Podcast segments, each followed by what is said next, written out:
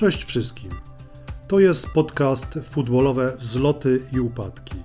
Dziś zabieram Was do lat 90. zeszłego stulecia, a dokładnie do Kaiserslautern, czyli średniej wielkości miasta tuż przy granicy niemiecko-francuskiej. Miejscowy klub narobił sporo zamieszania w Bundeslidze trzy dekady temu, stawiając bogatszych od siebie do pionu – Lata 90. obok lat 50. zeszłego stulecia to najlepszy okres w historii popularnych Czerwonych Diabłów. W obu wspomnianych dekadach jeden FC Kaiserslautern dwukrotnie wygrywało Bundesligę. Na ten moment e, fani klubu ze wzgórza Betzenberg mogą jedynie pomarzyć o takich wynikach, gdyż ich ulubieńcy występują obecnie na trzecim poziomie rozgrywkowym. Co prawda, mają spore szanse na awans do drugiej Bundesligi w tym sezonie, ale do nawiązania do sukcesów z lat 90. jeszcze długa i kręta droga. Drużynę ze 100-tysięcznego miasta, 20 km na wschód od bazy NATO w Ramstein, z całą pewnością można zaliczyć do zasłużonych dla niemieckiego futbolu klubów. Kaiserslautern zdobywało dwukrotnie Mistrzostwo Niemiec w latach 50.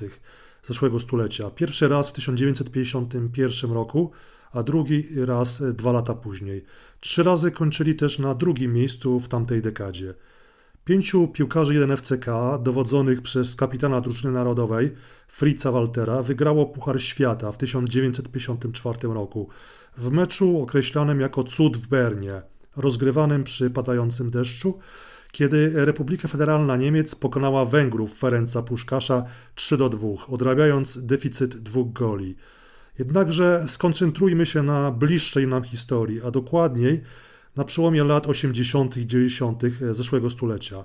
W sezonie 89-90 Czerwone Diabły walczyły o utrzymanie, ostatecznie zajmując 12 miejsce z zaledwie dwoma punktami przewagi nad strefą barażową. Zdecydowanie lepiej Kaiserslautern poszło w Pucharze Niemiec, w którym dotarli do finału, mierząc się w nim z Werderem Brema.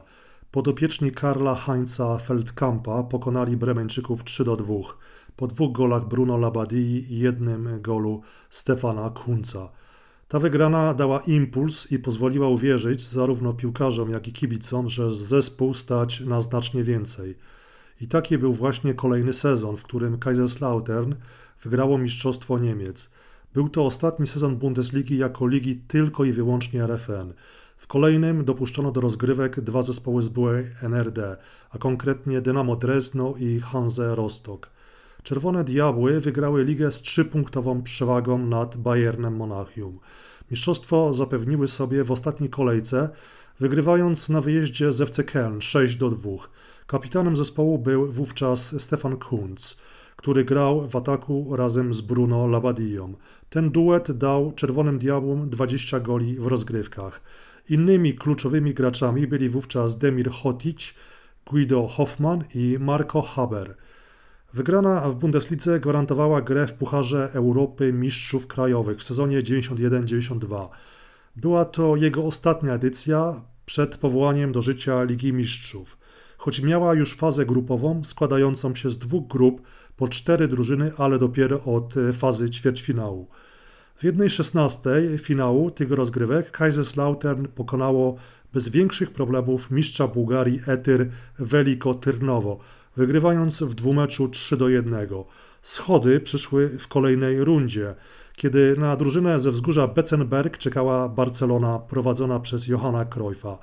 Pierwszy mecz rozegrany na Camp Nou zakończył się zwycięstwem Blaugrany 2 do 0. Oba gole dla Katalończyków zdobył Aitor Begiristein, obecny dyrektor sportowy Manchesteru City.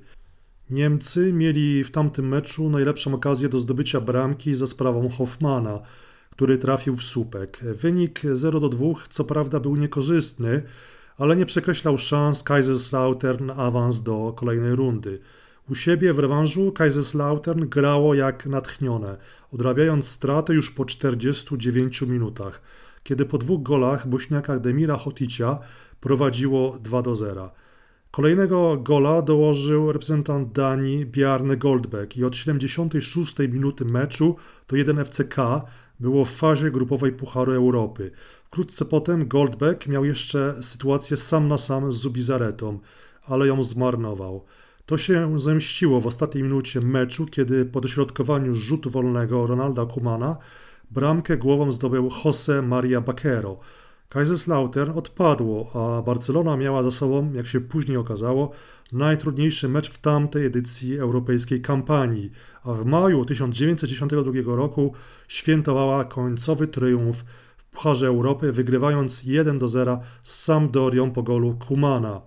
Klasę niemieckiej drużyny docenili Hiszpanie. 20-letni wówczas Pep Guardiola powiedział po meczu, że Kaiserslautern miało w tym meczu wystarczająco wiele okazji, aby strzelić co najmniej trzy gole więcej.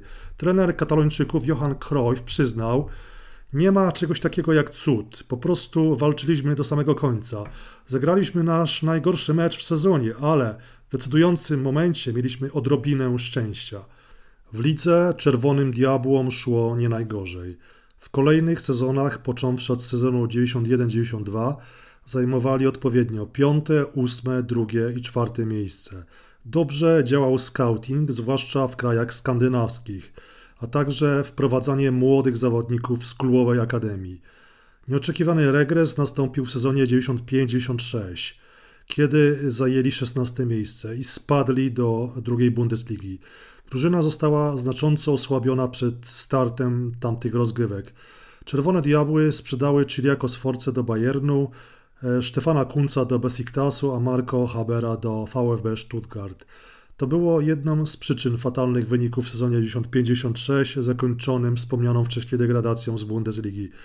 Paradoksalnie w spadkowym sezonie Kaiserslautern zapewniło sobie udział w rozgrywkach Pucharu Zdobywców Pucharów, wygrywając y, po raz kolejny w swojej historii Puchar Niemiec. Drużyna Ekharda Kraucuna pokonała w finale Karlsruhe 1-0 po golu Martina Wagnera. Banicja potrwała tylko jeden sezon za sprawą Otto Rehagela, który doskonale poukładał drużynę, a to zaowocowało wygraniem przez Kaiserslautern w cuglach drugiej Bundesligi z 10-punktową przewagą nad Wolfsburgiem i Hertą. W kolejnym sezonie Czerwone Diabły, prowadzone w dalszym ciągu przez Rehagela, zaszokowały nie tylko Niemcy, ale i całą piłkarską Europę, wygrywając Bundesligę jako Beniaminek z dwupunktową przewagą nad Bayernem Monachium. Drużyna Rehagela przez cały sezon 97-98 wyglądała świetnie kondycyjnie i potrafiła aż sześć meczów rozstrzygnąć na swoją korzyść w doliczonym czasie do drugiej połowy.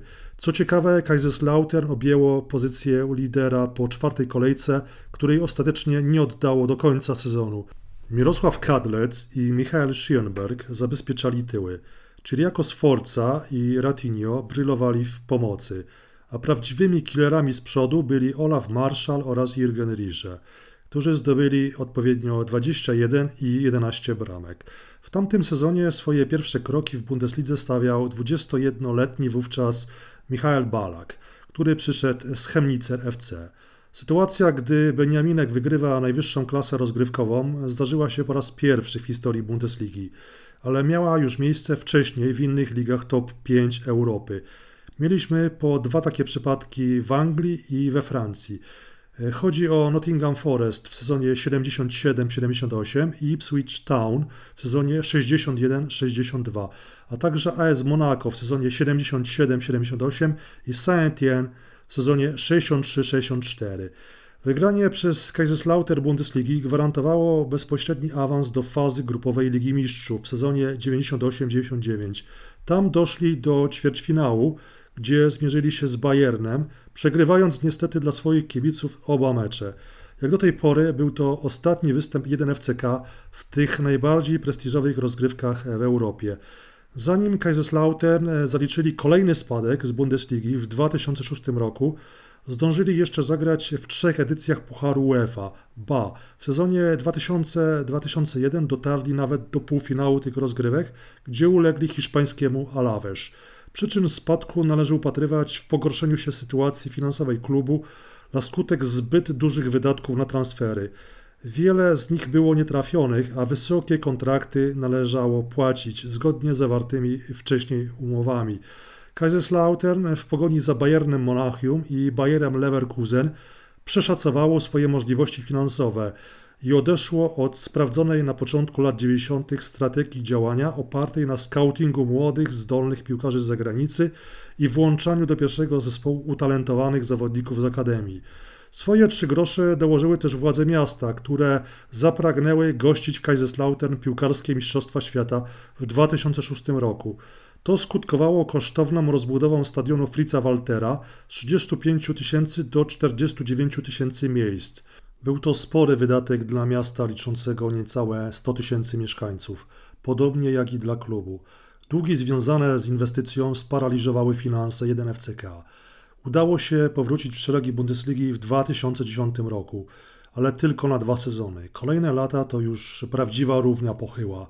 Sześć kolejnych sezonów w drugiej lidze przypadło na lata 2013-2018. Właśnie w 2018 roku nastąpił spadek do trzeciej ligi. I tam czerwone diabły ze wzgórza Betzenberg tkwią do dziś. To by było na tyle, jeśli chodzi o historię Kaiserslautern.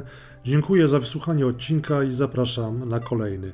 Zachęcam też do odwiedzenia strony futbolowe Wzloty i Upadki na Facebooku, gdzie codziennie pojawiają się piłkarskie, historyczne ciekawostki.